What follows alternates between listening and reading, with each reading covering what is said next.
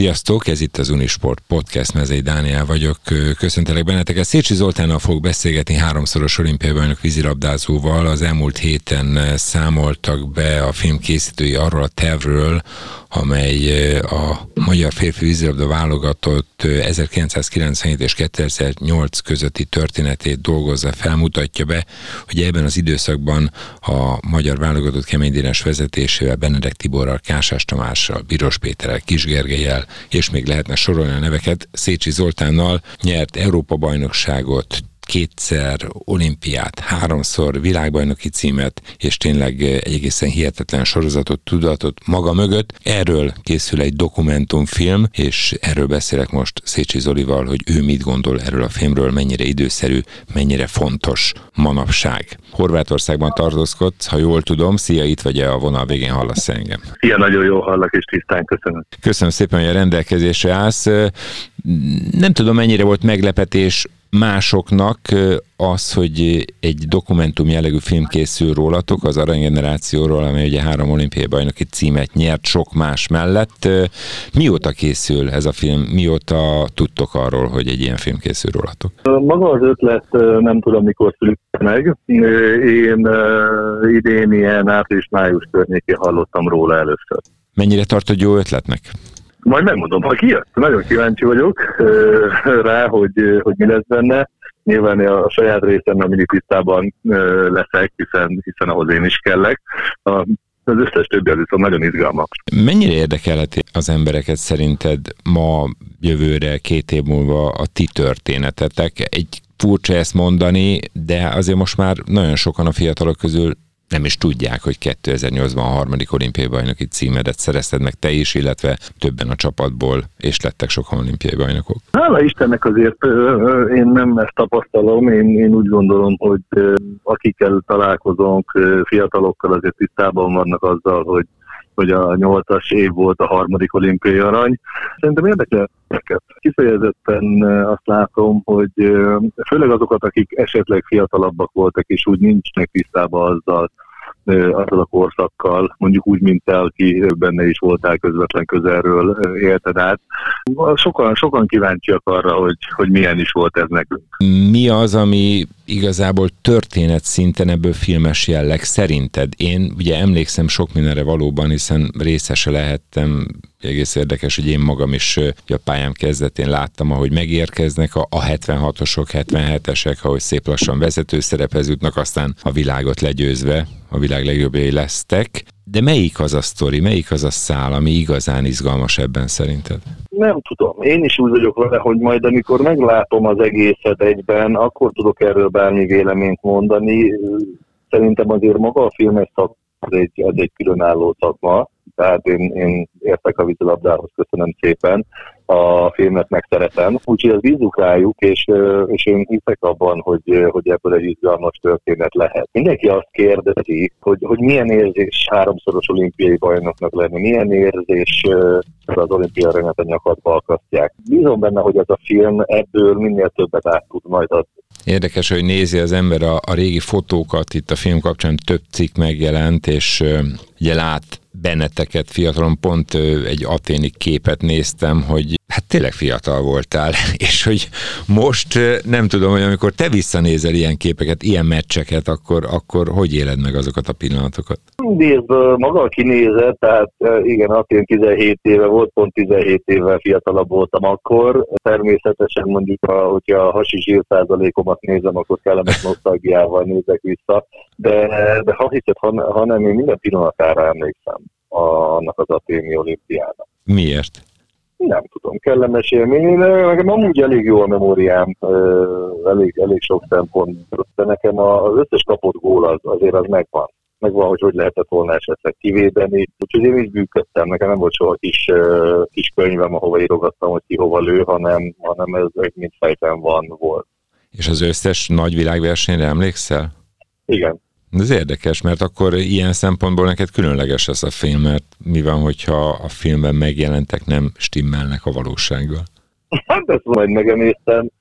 Annyira nem félek, hogy, hogy mondjuk egy archív lövés nem oda ment, ahova emlékszem. ez igaz. Azért ilyen, ilyen még nem fordult elő Ha, ha esetleg egy kicsit színezik a történetet, az biztos, hogy hazudni nem fogunk benne. Azt mondta a sajtótájékoztatón a film rendezője, Zákonyás Tamás, hogy a 97 és 2008 közötti időszakot mutatja be majd ez a film, ez a dokumentumfilm, és itt az érdekes, hogy, hogy itt egy olyan esemény volt a Fukókai világbajnokság, amikor lemaradtatok a dobogóról, egyébként mindig ott voltatok a dobogón, és általában sokszor nyertetek. Ez mennyire rendkívüli ez az időszak szerinted ugye a világ sport viszonylatában? Őszinte leszek, azért kevés ilyet láttunk. Talán, talán utánunk a szerbek lettek ilyenek a 2009-től, hogy, hogy mindig ott voltak, mindig ott voltak, aztán ugye 16-20-ban, vagy bocsánat, 21-ben be is futottak. Úgyhogy ritka-ritka, de azért nem egyedülálló. Mit szóltak a hozzád közelállók, hogy egy ilyen film készül? Ugye volt már vízilabdás film, de hát ez mégis közvetlenül rólatok szól. Ráadásul ugye te, aki a, a háromszorosok közé tartozol, gondolom az egyik főszereplője lesz ennek a filmnek. Ő mindenki kulisszatitkokat szeretett volna tudni, hogy mi lesz, mi lesz, de még én sem úgyhogy abszolút hitelesen tudtam mondani azt, hogy majd meglátjuk. De innen jött eszembe, hogy egyébként ez csak archív anyagokból dolgozik, vagy lesz hozzáforgatott rész a mai időszakról, interjúk, bármi más? Úgy tudom, hogy uh, itt interjúk biztosan lesznek, uh, már volt is ilyen előzetes beszélgetés, uh, ami alapján majd összeállítják, hogy na mi az, amit ők le is akarnak fordítani. Mennyit találkoztok még a csapattagok, mennyit vagytok együtt, mennyire tartjátok a kapcsolatot? Változó azért, hogyha ha nézed a vízlabda elnök, az MVLF elnöksége azért elég sokat tartalmaz belőlünk, egy ilyen kicsit csúnyán fogalmazzak. Azért hál' Istennek mindig, mindig megvannak azok a kontaktok, sőt, talán, talán az utóbbi három-négy évben jobban, mint előtte. Egy utolsó kérdés itt a film kapcsán, ugye a legkellemetlenebb, hogy mennyire kell és mennyire fog foglalkozni a film Benedek Tiborral és az ő sajnálatos távozásával, halálával? Nyilván rengeteg anyag, archív anyag van Tiborról, és természetesen sajnos újat már nem tudunk hozzá forgatni. Magát az, hogy a filmben hogy fog ez megjelenni, azt, azt tényleg bízunk a, a producerre, illetve a rendezőkre, hogy, hogy mit és hogy akarnak átadni a közönségnek. Szécsi Zoltánnal beszélgetek háromszoros olimpiai bajnok vízilabdázóval, aki egyébként az Egri Vízilabda Klub ügyvezető elnöke, és zajlik a bajnokság, mivel foglalkozol esetleg még az Egri vízilabda mellett, tehát mennyire vagy jelen a vízilabdában a mindennapokban? Nekem most két nagy szerelmem van így a, a vízilabda és a mezőgazdaság, és azt mondom, egy nem feltétlenül számomra egészséges 80-20 arányban a kettőben, de, de maga az Egdivízi Labda Klub konszolidációja mind anyagi, mind szakmai szempontból azért egy, egy hosszú folyamat. Most, most telik le a harmadik, most telt le a harmadik év. Szerintem nagyon nagyot haladtunk előre, látom most már, hogy meg lehet csinálni, és látom azt, hogy jól meg lehet csinálni, és az apró eredmények jönnek, jönnek, jönnek a fiatalok, úgyhogy én, én rettentően optimista vagyok. Mennyi gyerek vízilabdázik az Egri vízilabda klubban? Tehát mekkora az utánpótlás A, a, múlt héten, a múlt héten léptük át a 416 főt. Ez az aktív tagdíj fizető utánpótlás sportolóink száma. De ez országos ez szinten is egy komoly szám. szám. Igen, igen, amikor megérkeztem, ez valahol ilyen 300 és 350 között volt. A pandémia alatt egy kicsit visszaestünk ilyen 300 környékére, és, és most úgy érzem, hogy hogy a kanyarban előzés az sikerült, és tényleg, tényleg előrébb tartunk, mint, mint másfél évvel ezelőtt. Mennyire van szükség egyébként egy ilyen klubnak, egy ilyen nagymúltú klubnak, amely volt legfölüli is, tehát bajnokságot nyert, ott volt a nemzetközi körforgáson. Mennyire kell egy élcsapatot működtetni, nem elég esetleg egy középcsapat, amilyen most a Tigrecete Feger? A cél az mindenképpen az élcsapat, de, de nem úgy, ahogy az kinézett, amikor megérkeztem, hanem úgy, hogy rengeteg egri van benne. Ha, ha ez nem kivitelezhető egriekkel, akkor nincsen szükség élcsapatra. Akkor van szükség élcsapatra, hogyha annak, a, annak az alapját egri játékosok képezhetik. Ez régen nem így volt. Van esély arra? Vannak olyan tehetséges fiatalok, akikkel egy ilyen csapatot létre lehet hozni? Igen, igen, abszolút hiszünk bennük, meg is kapják a lehetőséget. Ugye most a a, a, az elmúlt három mérkőzésen sőt, bocsánat, a Magyar Kupával egyetemben öt jelen pillanatban ifi játékosunk szerepelt, ugye Lőrinc Ákos, Gólya Noel, Hajdu Botont, 2003-asok, Hajdu Botont például akciógót lőtt most a Fradi meccsen centerből, amire külön büszkék vagyunk, de Biros Samu és Timsina Máté is szerepet kapott a, Magyar Kupában, ők 2004-esek, tehát ők még nem csak idén, hanem jövőre is ifi játékosok. Nézők mennyire játogatnak ki a meccseitekre, mert régebben azért volt sokszor teltház a Bicskei most mekkora az érdeklődés így, hogy, hogy azért középcsapat az igen? Nagyjából ugyanakkor az érdeklődés, mint amit megjöttem. A különbség az, hogy akkor egy méreg drága ráadásul abszolút száz százalékban zsoldosokból álló együttest támogattak a negyedik hely megszerzésében a szurkolók.